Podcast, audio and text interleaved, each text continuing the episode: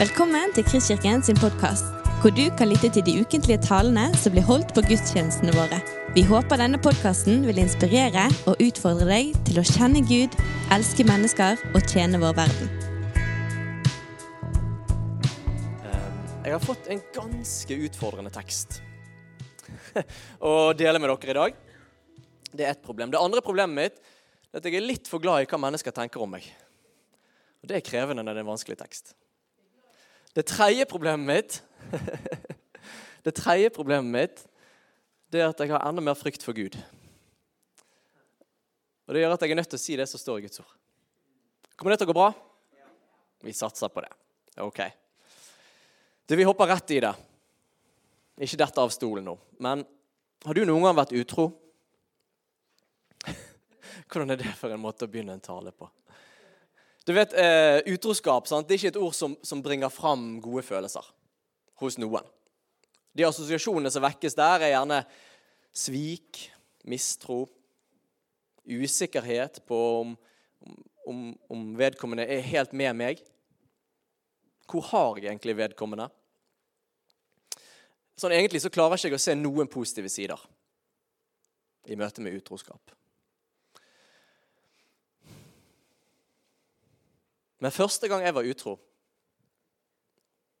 det var sommeren 1992. Da var jeg reist på campingferie med min familie. Slapp helt av. Jeg var, ikke, jeg var ni år gammel. Um, så var jeg reist på campingferie med min familie. Og så hadde jeg møtt noen nye venner på campingplassen. De var et par år eldre enn meg. De var veldig kule. Og jeg strevde med å finne litt min plass i, i den gruppen. Og En av kveldene jeg fikk lov å henge ute litt seint med de, så dukket dette spørsmålet opp, som bare måtte dukke opp. Hva fotballag holder du med, Kristoffer? Og Alle disse som jeg var med, de var innfødte, så de holdt med Start. Og Start hadde en knallsesong i 92, i hvert fall frem til sommeren. Mens Brann lå og vaket rundt nedrykk. Og Da kjente jeg på den uroen. Ønsket om å være likt, ønsket om å passe inn. Så sa jeg med min fineste sørlandsdialekt Jeg liker Start. sa jeg til dem. Og I det øyeblikket så skjønte jeg at jeg hadde vært utro. Jeg hadde vært utro mot liksom, noe av grunnprinsippene som jeg egentlig var fostret opp med som bergenser. At jeg skal holde med Brann.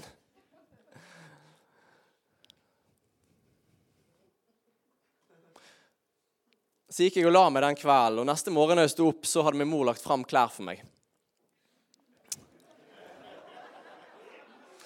Og Der lå det en ny rein shorts, og så lå branndrakten der.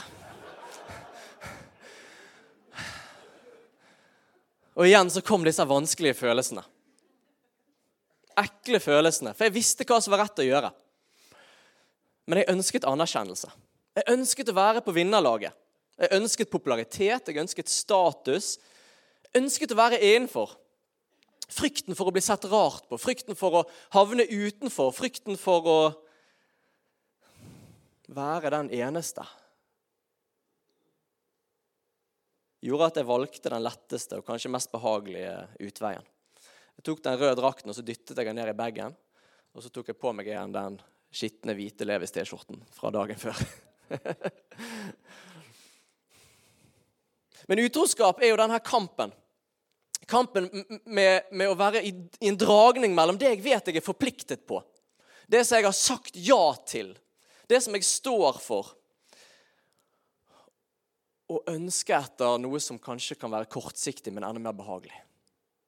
Lett løsning. Det som gir mest nytelse akkurat her og nå. Og, og Dagens tekst vi skal se på Jakobsbrevet, den tar oss inn i denne kampen. Tar oss inn, og Vi får møte en gjeng der som sikkert ikke er veldig ulike oss. Og Vi får se hvordan lystene og begjæret og misunnelsen etter det andre har, kan være med å dra oss i én retning, mens Gud i sin nidkjærhet for oss vil dra oss en annen vei. Hvordan det kanskje ekstremt tidsaktuelle utfordringene med billig underholdning, behagelighet og nytelse pirrer oss til å velge enkle og kortsiktige løsninger. Mens Gud, som har et evighetsperspektiv på livet, brenner i sin iver etter å få oss til å velge den smale veien her og nå, sånn at vi i evigheten kan få gå på gullagte, breie gater. Ikke sant? Og Det er utfordringen i teksten som vi skal se på i dag. Jeg har valgt å titulere disse ordene 'Vennskap med verden er fiendskap mot Gud'. Jeg håper jeg får ikke noen uvenner på veien. Vi skal lese fra Jakob 4, vers 1. Hvor kommer all striden og spliden hos dere fra? Er det ikke fra lystne som fører krig i lemmene deres? Dere begjærer, men får ikke. Dere myrder og misunner, men oppnår ikke noe. Dere lever i strid og ufred. Dere har ikke fordi dere ikke ber. Dere ber, men får ikke fordi dere ber galt. Dere vil sløse det bort i nytelser. Utro som dere er, vet dere ikke at vennskap med verden er fiendskap mot Gud? Den som vil være verdens venn, blir Guds fiende. Eller mener dere det er tomme ord når Skriften sier med brennende iver gjør Gud krav på den ånd han har latt bo i oss? Men nåden han gir, er større. Derfor heter det Gud står de stolte imot, men de ydmyke gir han nåde. Så vær da lydige mot Gud, men stå djevel imot, så skal han flykte fra dere. Hold dere nær til Gud, så skal han holde seg nær til dere. Vask hendene, dere syndere. Rens hjertene, dere som har et delt sinn. Klag og sørg, brut ut i gråt. Vend latteren til sørgesang og gleden til alvor. Ydmyk dere for Herren, så skal Han opphøye dere. Ikke baktal hverandre, mine søsken. Den som baktaler en bror eller dømmer en bror, baktaler loven og dømmer loven.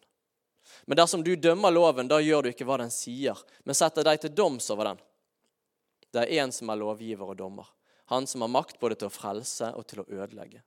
Men hvem er du som dømmer din neste? Så Gud, jeg har lyst til å be om at du må komme nær til hver enkelt av oss nå. Bløt opp hjertene våre, Gud, med din ånd, sånn at, uh, sånn at ditt ord faktisk kan få lov å kutte dypt i oss. Avslør synd i livene våre, Gud. Løft blikket vårt, så vi kan tro på deg og følge deg. Gi oss nåde, Gud, i møte med ditt ord. Amen. Du, Jeg har valgt å dele dagens tekst i to deler.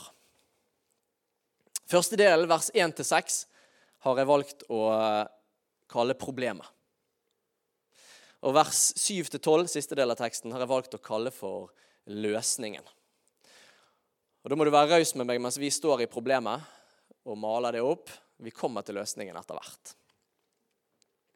Brevet er altså adressert til jødekristne eh, som levde midt i dagens Midtøsten. Og, og Problemet som Jakob adresserer i teksten som vi går løs på nå, er at det er strid, det er splittelse og det er sladder i, mellom de kristne. De har konflikter med hverandre. Og, og Jakob spør de, hvor kommer all striden og spliden hos dere fra? Og så vet vi det at, eh, og alle som i hvert fall har hatt barn, vet det, at, at når vi har konflikter, så er det ofte bare symptomene på at det er noe underliggende som er et problem. Det er ikke nødvendigvis konfliktene som er hovedsaken. Og, og Bakgrunnen for konfliktene som denne gjengen her har, det er denne dypere årsaken. De har blitt materialistiske. Dere begjærer, skriver han til dem, men får ikke. Dere myrder og misunner, men oppnår ikke noe. Dere lever i strid og ufred. Dere har ikke, fordi dere ikke ber. Problemet her er at det er en gjeng som vil ha noe, og de får det ikke. Og De ser gjerne at andre har det, og så begynner misunnelsen å vokse opp. Og så blir det konflikter mellom dem. Og Materialismen som de har begynt å sette seg fast i, det er troen på at, at det man har, og det man kan se i det synlige, det er det som er reelt. Det er det som har virkelig verdi. Og det er en løgn. Og Når Jakob nå skriver til dem om både begjær og misunnelse, så bruker han sterke ord. Det er ord som beskriver det å lengte etter noe, sette hele fokuset sitt inn på, det å ville eie noe. Ordet som er oversatt fra gresk til norsk misunnelse, det er ordet som også brukes som boblende vann. Vann som koker. Jeg vet ikke om du kan kjenne deg igjen i den følelsen, den må ha, må ha, må ha-følelsen som kan komme hvis noen har noe som ikke du har. Det kan begynne å boble ganske sterkt. Min gutt Nathanael han var hjemme hos en kompis som hadde akkurat fått ny BMX-sykkel. Og Så kommer Nathanael hjem, og så begynner han å fortelle om denne BMX-sykkelen. 'Pappa, jeg bare må ha en sånn sykkel.' Og så gjør han det som sikkert mange av oss gjør òg. Vi må ha. Vi begynner å gå på nettet, så vi gikk inn på XXL, og så fant vi en BMX-sykkel til 5000 kroner. Så han tok en liten tenkepause. Et par minutter. Så kommer han tilbake igjen. 'Du, pappa. eh, Hvis jeg bare tar alle sparepengene mine, og så får jeg jule, eh, altså, eh, pengene til jul de får jeg på forskudd, da går det, ikke sant? Da gjør vi det. Han var helt innsatt på, oppsatt på at denne sykkelen måtte han ha nå. Jeg vet ikke om det kan være gjenkjennbart for deg òg. Hvis man først begynner å tenke på noe som man har lyst på, og begynner å søke etter det gjerne og fylle tanken med det, så blir det etter hvert noe som vi ikke bare har lyst på, men noe vi ønsker oss ganske sterkt. Og ganske kjapt så kan det bli noe vi trenger. Og så kan det utvikle seg til noe som vi må ha. Og til slutt så kan det ende opp med å være noe som vi ikke klarer oss uten. Og så kjøper man den tingen som man egentlig ikke hadde bruk for i det hele tatt. Er det noen som har vært med på det? Sant? Materialisme, det er materialistisk. Det er å være bundet til det jordiske. Det er å være knyttet til det jordiske. Det er bundet til det materielle. Men misunnelse, som vi leser om her, det handler jo ikke bare om de materielle tingene. Det kan jo òg handle om noe som andre har som jeg vil ha. F.eks. oppmerksomhet. Eller ros. Det var misunnelse som lå bak tidenes første drap. Når Kain tar livet av bro, lillebroren sin, Abel, så er det fordi han er misunnelig. For at Abel har ofret til Gud, og Gud som med velbehag på hans offer. Og I misunnelse så dreper han sin egen bror. Det er ganske sterke følelser som kan reise seg opp i møte med misunnelse. Ikke sant? Det som fikk Jesus korsfestet. Misunnelse blant folket.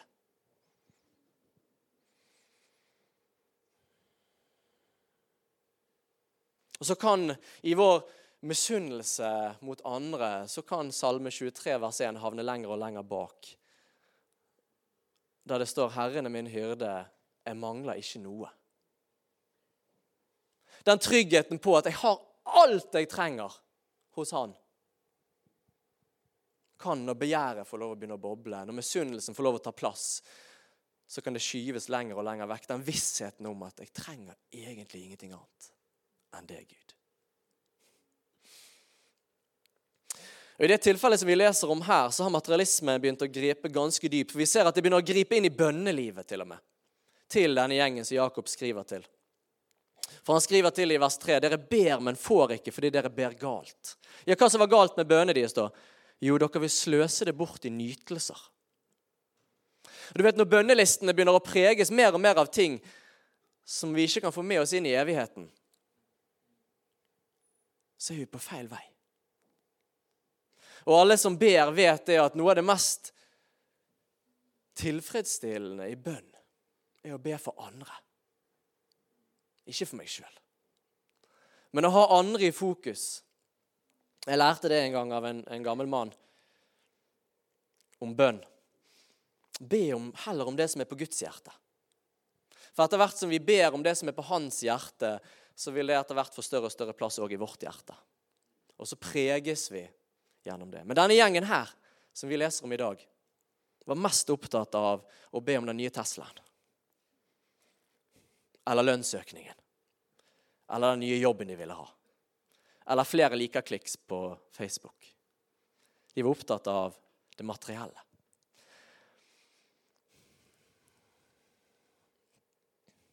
Så skrur Jakob opp temperaturen litt, og da skal vi hoppe videre til neste. Når han eh, kaller det han hittil har skrevet om, med sitt rette navn. For han sier 'utro som dere er'. Vet dere ikke at vennskap med verden er fiendskap mot Gud? Den som vil være verdens venn, blir Guds fiende. Og Her tar Jakob opp et bilde som profetene har brukt i Gamle Testamentet. Bildet av utroskap bygger på Bildet som israelsfolket har levd med av Gud som ektemann og folk israelsfolket som hans hustru. Og Vi ser gjennom hele Gamle testamentet hvordan israelsfolket gang på gang på gang på gang er utro med andre guder. Og vender seg vekk fra han som de var forpliktet til. Paulus tar opp det samme bildet i Efeserbrevet og overfører det egentlig inn til oss som nytestamentlig kirke. Når han sier i Efeserbrevet 5.: Derfor skal mannen forlate far og mor og holde fast ved sin kvinne. Og de to skal være én kropp. Dette er et stort mysterium, for jeg tenker på Kristus og kirken. Holde fast ved. Trofastheten. Og Guds folk kan ikke ifølge det Jakob skriver her, både være tro mot verden og mot Gud. Både mot det verdslige og mot Gud. Kan ikke være både en disippel av Jesus og av materialismen. Det er utroskap, sier Jakob.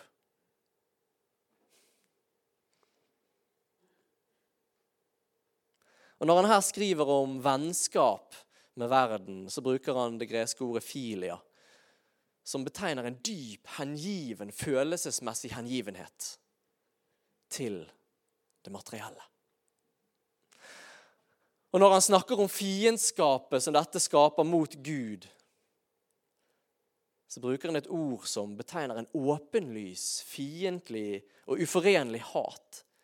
Veldig sterke ord som brukes når han skriver Vet dere ikke at vennskap med verden er fiendskap mot Gud? Nå ble det litt alvorlig her.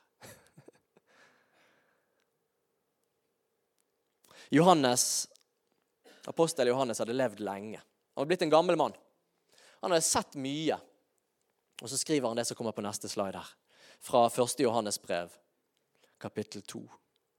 Så sier han til menneskene rundt seg. Elsk ikke verden. Heller ikke det som er i verden. Den som elsker verden, har ikke kjærlighet til far i seg. For alt som er i verden, kroppens begjær, øynenes begjær, skrytet av alt en eier, det er ikke av far, men av verden. For verden går til grunne med alt sitt begjær, men den som gjør Guds vilje, består til evig tid. Hva er det han snakker om her?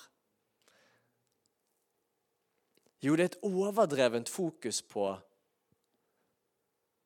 utseende, f.eks. Et overdrevent fokus på kropp og klær. Et usunt fokus på å ha det behagelig. På å være underholdt til enhver tid. Å ha eiendeler, hus og bil. Status, større hus, større bil. Titler oppmerksomhet og fokus fra menneskene rundt meg. Nå vet jeg ikke hvor aktive dere er på sosiale medier. Jeg er ikke veldig aktiv. Men jeg trenger ikke mange minuttene på TikTok eller på Snapchat eller på Instagram eller på Facebook før jeg klarer å få øye på hvordan disse tingene som jeg nevnte nå, hauses opp i sosiale medier og i andre medier. Og fokuset på det å være vellykket, fokuset på det å ha den og den kroppen Sånn og sånn skal huset se ut. Så og så masse oppmerksomhet er enormt i samfunnet rundt oss. Kanskje uten sidestykke. Og det synlige har blitt det viktige. Det er det Jakob omtaler som vennskap med verden. Begjær etter det materielle. Egentlig så er det praktisk ateisme, det vi ser rundt oss. Teoretisk ateisme er farlig, men jeg mener praktisk ateisme er gjerne enda farligere. Salme 53,1.: Dåren sier i sitt hjerte det er ingen Gud. Og Praktisk ateisme er jo akkurat det at vi lever Ja, vi kan gjerne si at jeg tror på Gud, men i praksis så får det ingen påvirkning på livet mitt, på valgene mine og prioriteringene mine. Det er praktisk ateisme. Det er livsfarlig. For Gud har kalt sitt folk til å være et annerledes folk. Vær dere hellig, liksom jeg er hellig, sier Gud til sitt folk.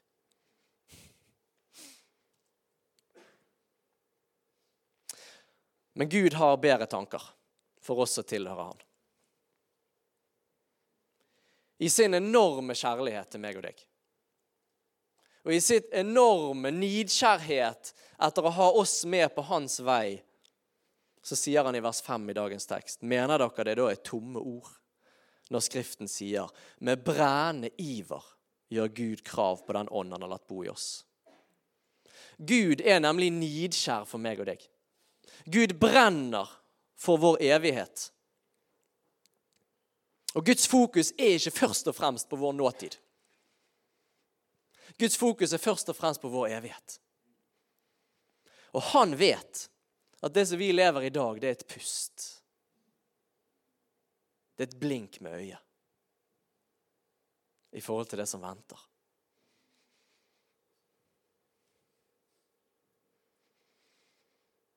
Og Da skal vi hoppe videre til neste. Og Da er vi kommet på vei mot løsningen. Vers 6. Heldigvis, heldigvis for oss, så er Guds nåde større enn hans nidkjærhet i dette som vi møter her. Vers 6. Min nåde, men nåden han gir, er større. Derfor heter det Gud står de stolte imot, men de ydmyke gir han nåde. Hva er løsningen, da? Gud står de stolte imot, men de ydmyke gir han nåde. Løsningen er at vi bøyer oss. Løsningen er at vi gir han rett. Stolthet er bokstavelig talt det å stå opp. Det å si at 'jeg vet best sjøl'. Det å prøve å heve seg over noe. Stolthet er å klamre seg til alt jeg kan klare, mens ydmykhet er at jeg bøyer meg. Du har rett. Ydmykhet er å legge seg flat og si 'Jeg trenger det, Gud'. Stolthet er å ta seg sammen. Krampaktig. Ydmykhet er å kapitulere. Klamre seg til nåden. Gud, jeg trenger deg. Vær meg synder nådig.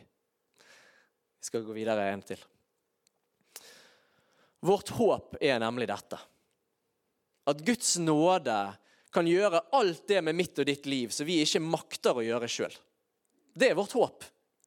At Hans nåde kan få til alt det i våre liv som vi ikke får til sjøl. I Titus kapittel 2 så står det For Guds nåde er blitt åpenbart til frelse for alle mennesker. Den oppdrar oss til å si nei til et ugudelig liv og verdslige lyster, og leve forstandig, rettskaffent og gudfryktig i den verden som nå er, mens vi venter på vårt salige håp, at vår store Gud og frelser, Kristus Jesus, skal komme i herlighet. Så løsningen er at vi bøyer oss ydmykt for Gud. Og så håper vi på at Hans nåde er nok for meg. Men nåden oppfordrer oss ikke nødvendigvis til å være passive. Selv om det er å bøye seg i ydmykhet, så fordrer ikke nåden oss til et passivt liv. For så hopper Jakob over i et mer praktisk gir i denne delen av teksten. Og Han begynner å gi oss konkrete løsninger for hvordan kan jeg da komme meg ut av materialismens klør. Hvordan kan vi få slutt på disse konfliktene som kommer av at jeg begjærer, at jeg misunner, at jeg bare vil ha? Og Fra neste slide, vers 7, så leser vi Vær da lydige mot Gud. Men stå djevelen imot, så skal han flykte fra dere. Vet du det at djevelen og hans fristelser har mistet sitt grep på mitt og ditt liv? Ifølge Romerbrevet 6 så skjedde det noe når vi ble døpt. Ifølge Romerbrevet 6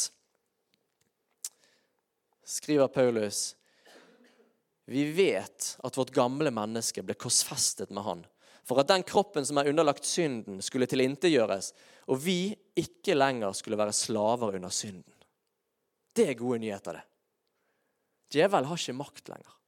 Jeg var og snakket med ungdommene nylig, og ofte når jeg snakker med dem om akkurat dette med at synden har mistet sin makt over livet vårt, så har jeg med et såpestykke til dem.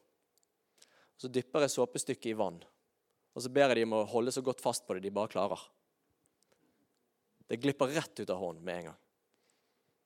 Sånn er det med oss som kristne hvis vi er døpt, hvis vi har gitt livet til Han og reist opp til et nytt liv, så har synden mistet sin makt, og djevelen klarer ikke å holde fast lenger. Alt det som var å ta tak i, har han mistet. Legg merke til i teksten det som, eh, som norsklærere og kanskje teologer vil kalle en imperativ respons. Det er sånn Hvis du gjør dette, så skal dette skje. Ok? Imperativ respons. Hvis du gjør dette, så kommer dette til å skje. Stå djevelen imot, så skal han flykte fra dere. Men det begynner hos meg og deg. Ser du det? Stå djevelen imot, så skal han flykte fra dere. Så Nåden utelukker ikke det at jeg må ta det første steget her. Det begynner med at jeg står imot. Hvordan gjorde Jesus det? Hvordan sto Jesus imot djevelen? Vi ser at han brukte Guds ord. Jesus sa til djevelen at det står skrevet. Har du lest det? Matteus 4. Det står skrevet. Og hva gjorde djevelen? Matteus 4, 11, så står det da forlot djevelen han. Og se, engler kom og tjente han. Står djevelen imot? Står fristelsen imot? Vers 8. Hold dere nær til Gud, så skal han holde seg nær til dere. Nok et eksempel på en sånn imperativ respons. Hold dere nær til Gud, så skal han holde seg nær til dere. Prioriter tid. Sett av tid. Det er mitt beste råd. Daglig gjerne i Guds ord. Og la Guds ord få fylle deg. Sett av tid i bønn. Sett av tid i stillhet. Vend oppmerksomheten vekk fra all underholdningen og til Han. Hold dere nær til Gud, så skal Han holde seg nær til dere. Hvordan kommer jeg ut av materialismens klør? Jo, jeg holder meg nær til Gud. Jeg søker Han. Vi ser det til og med Lukas 15 med den bortkomne sønnen. Faderen, faren til sønnen, står og venter ved døren og speider etter han. Men det er sønnen som må vende om begynner på hjemveien. Og Idet faren ser han, så løper han han i møte.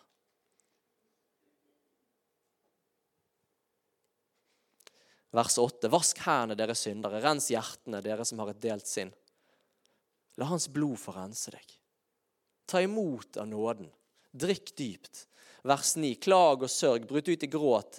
Vend latteren til sørgesang og gleden til alvor. Og så kommer den tredje imperative responsen vers 10. Ydmyk dere for Herren, så skal Han opphøye dere. Hvis vi bøyer oss for Gud, hvis vi bøyer oss for Hans vilje, så vil Han løfte oss opp i den rette tiden. Det kan skje på denne siden av døden. Det skjer i hvert fall på den andre siden av døden. Vi kan legge bort jag etter status, oppmerksomhet, anerkjennelse og alle eiendelene. Og så kan vi stole på at Han gir en ære som varer evig det er å ydmyke seg for Herren. Så skal Han opphøye dere. Vi ser det i Lukas 14. Da la Jesus merke til hvordan gjestene valgte seg ut de øverste plassene ved bordet. Så sa han til dem i en lignelse.: Når du blir bedt i selskap, så ta ikke plass øverst ved bordet. For kanskje er det innbudt en som står høyere enn du slik at verten som innbyr dere begge, kommer og sier til deg, 'Gi plass for denne gjesten'. Da vil du med skam måtte gå og sette deg nederst. Nei, når du er innbudt et sted, skal du ta plass nederst ved bordet, slik at verten kan si til deg når han kommer, 'Venn, sett deg høyere opp'. Da blir du hedret i alle gjestenes påsyn. For hver den som setter seg selv høyt, skal settes lavt, og den som setter seg selv lavt, skal settes høyt. Og Idet vi begynner å leve et liv der vi velger det motsatte, der vi velger å sette oss sjøl høyt, så risikerer vi at Gud tar seg av den andre delen, og så ydmyker han oss foran alle sammen. Men det ligger et, eh, et dypt alvor i denne teksten i dag. Jeg vet ikke om du kjenner det. Jeg kjenner det når jeg har jobbet med denne teksten. At dette er utfordrende. Og jeg tror at teksten egentlig er så tidsaktuell at vi sliter litt med å gripe den. At vi sliter litt med å skjønne hva vi står i i 2023. Og Dette her med å bli fanget av materialismen, det er ikke noe som bare skjer over natten. Det er noe som skjer gradvis, etter hvert som vi tar de valgene som fører oss vekk. Jeg vet ikke om du har vært ute og gått i snøstorm noen gang. Jeg skulle legge ut fra hytten en gang. Jeg var sammen med min far, heldigvis. Og Vi skulle gå til bilen fra hytten. Det var ikke mange hundre meterne. Men vi så ingenting. Vi la ut én grad feil. Jeg kom aldri frem til bilen. For at én grad kan tilsynelatende virke veldig lite i det første steget man tar. Du er ikke veldig av kurs da. Men idet jeg tar neste steg og neste steg og neste steg på veien og er litt ute av kurs, så havner jeg et helt annet sted enn der som jeg egentlig skulle. Derfor kjenner jeg at det er et alvor over denne teksten. Men Gud kaller oss til å være et hellig folk. Vi kan ta neste slide, siste verset jeg har lyst til å dele med dere. Og Lovsangsteamet kan gjerne få komme opp, for dere spilte en sang som jeg har veldig lyst til dere skal få spille en gang til. Dere kan få begynne å klimre på opphøyd Gud. For et samarbeid. Uten å snakke sammen så valgte dere en helt fantastisk sang. Gud kaller oss til å være et annerledes folk. Gud kaller oss til å være et folk som skiller oss ut. Som ikke er lik alle andre folk. Og står det i 1. Peters brev da, Spenn derfor beltet om livet. Hør denne utfordringen. Vær våkne. Følg med. Vær beredt i tanke og sinn. Sett håpet fullt og fast til den nåde dere skal få når Jesus Kristus åpenbarer seg. Som lydige barn skal dere ikke lenger la dere lede av de lystne dere fulgte den gang dere levde i uvitenhet. Han som kalte dere, er hellig. Slik skal også dere være hellig i all deres ferd. For det står skrevet, dere skal være hellig, for jeg er hellig. Dere skal være hellig fordi jeg er hellig.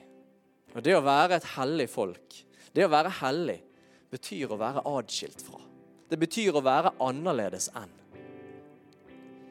Og Da blir mitt ærlige spørsmål til meg og deg i dag hvordan er vi annerledes? Hvordan skiller vi oss ut i møte med begjæret, misunnelsen, sladderen? Ligner livet mitt Er det helt identisk med naboen sitt? Eller er det synlig? Her er et annerledes folk. Den utfordringen jeg har lyst til at du skal få lov å sitte og tenke på. Spørre Den hellige ånd hvordan ser mitt liv annerledes ut? Hvordan ser det ut å være hellig i 2023? I møte med det jaget etter status, eiendeler, popularitet i det jaget etter vellykkethet, suksess. Og mens lovsangsteamet da spiller opphøyd Gud, så skal vi få lov bare å tenke og spørre. Så Gud, jeg har lyst til å be om din nåde. Hjelp oss, Gud. Hjelp oss å følge deg midt i denne tiden her. Hjelp oss å være et annerledes folk. Hjelp oss, Gud, å avsløre materialisme selvbehage, underholdningsnytelsen i våre liv, Gud. Hjelp oss å leve annerledes. Hellige liv. Vi klamrer oss til din nåde, Gud, og ber at du må hjelpe oss.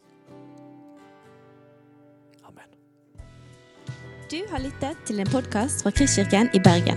Vi håper du har blitt inspirert og utfordret i din vandring med Gud. Vil du vite mer om oss, så klikk deg inn på kristkirken.no.